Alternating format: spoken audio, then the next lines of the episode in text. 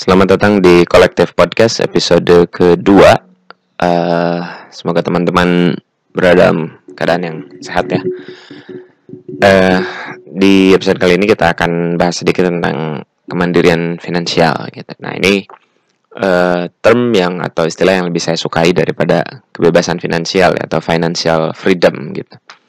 Nah, saya agak kurang suka dengan dengan uh, istilah itu ya kebebasan finansial karena um, itu membuat orang-orang berpikir bahwa uh, kita harus bisa uh, pensiun dini gitu ya. Tidak ngapa-ngapain tapi punya duit gitulah. Intinya gitu kan kalau misalnya kebebasan finansial.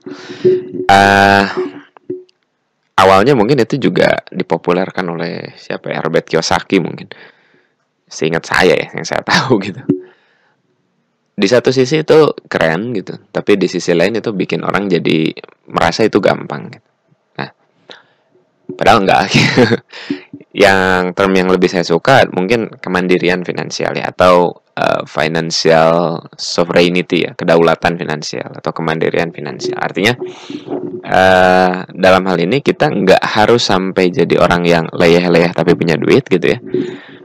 Uh, kita tetap bekerja keras biasa, tetapi kita tidak uh, bergantung pada sebuah institusi gitu ya untuk punya finansial gitu, untuk punya pemasukan. Dan sekarang hal itu sangat memungkinkan untuk dilakukan ya gitu. Bahkan tidak harus selalu orang itu uh, punya bisnis atau punya usaha gitu ya uh, yang secara fisik gitu.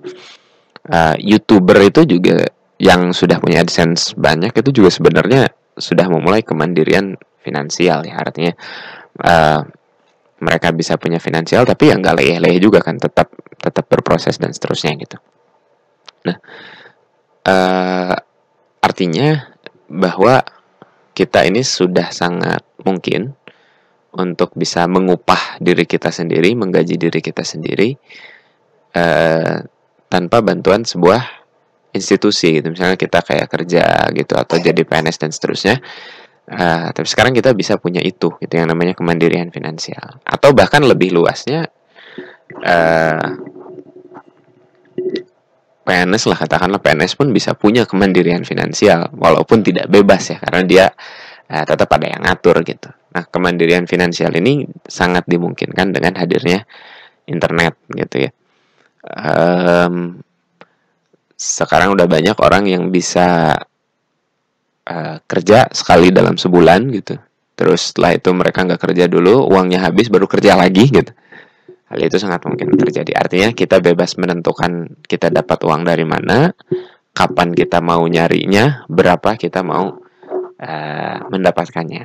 Nah cuma jelas tidak semudah seperti yang saya katakan. Saya pun masih uh, struggling ya untuk melakukan itu gitu. Tapi ada uh, kemungkinan itu ada dan mungkin. Dan kalau teman-teman mendengar ini di usia yang masih uh, sangat muda gitu ya, katakanlah awal 20-an, ya teman-teman bisa mulai secepatnya gitu. Nah, ini mungkin sebuah hal yang saya harap seharusnya saya tahu 10 tahun yang lalu gitu. Uh, cara-caranya. Nah, gimana cara-caranya? Ya, mungkin itu butuh butuh butuh waktu tersendiri ya untuk penjelasannya, tetapi polanya ada. Polanya bisa kita bisa kita bangun sendiri tentang bagaimana membangun kemandirian finansial. Inti utamanya adalah di e, kreasi kemampuan untuk memproduksi sesuatu. Di situ ketika kita bisa punya di situ e, baru deh kita e, memonetisasi itu atau membuat itu jadi sesuatu yang yang menghasilkan gitu. Nah itu e, mungkin sedikit ya uh, pengetahuan tentang apa itu kemandirian finansial gitu.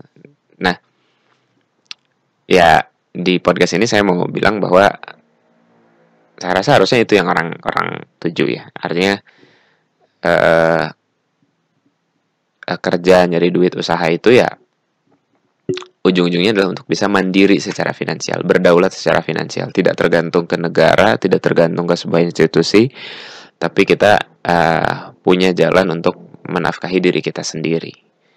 Gitu. Uh, mudah-mudahan bermanfaat. Sekian untuk kolektif episode 2 sampai jumpa lagi